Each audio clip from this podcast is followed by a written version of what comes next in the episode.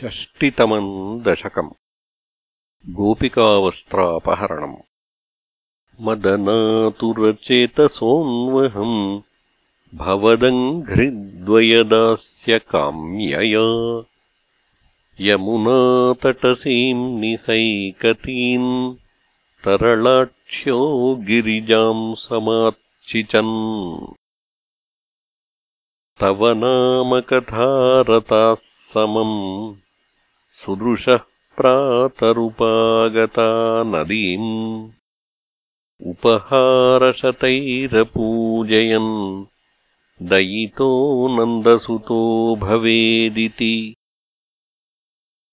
इति मासमुपाहितव्रतास्तरलाक्षीरभिवीक्ष्यता भवान् करुणामृदुलो नदीतटम् समयासीत्तदनुग्रहेच्छया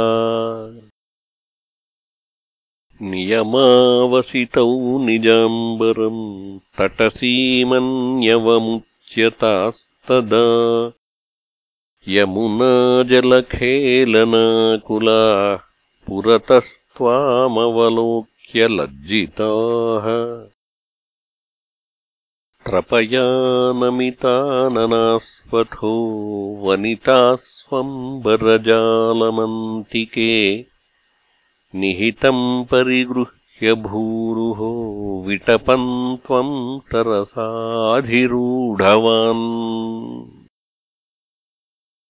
इह तावदुपेत्यनीयताम् वसनम् वः सुदृशो यथायथम् इति नर्ममृदुस्मिते त्वयि ब्रुवतिव्यामुमुहे वधूजनैः।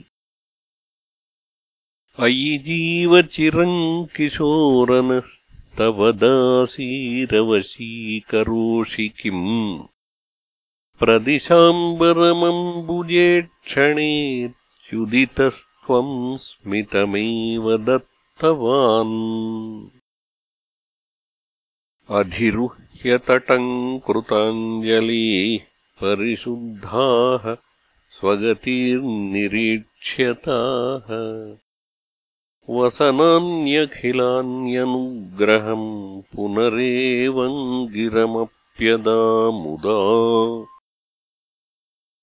विदितम् ननु वो मनीषितम् वदितारस्त्विह योग्यमुत्तरम् यमुनापुलिने सचन्द्रिका क्षणदा इत्यबलास्त्वमूचिवान्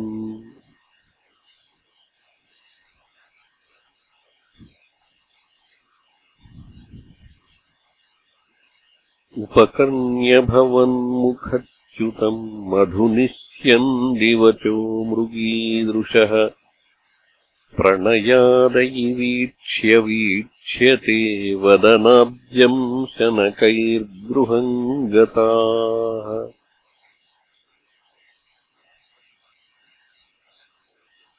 इति नन्वनुगृह्यवल्लवी विपिनान्तेषु पुरेव सञ्चरन्। करुणाशिशिरो हरे हर त्वरया मे सकलामयावलिम्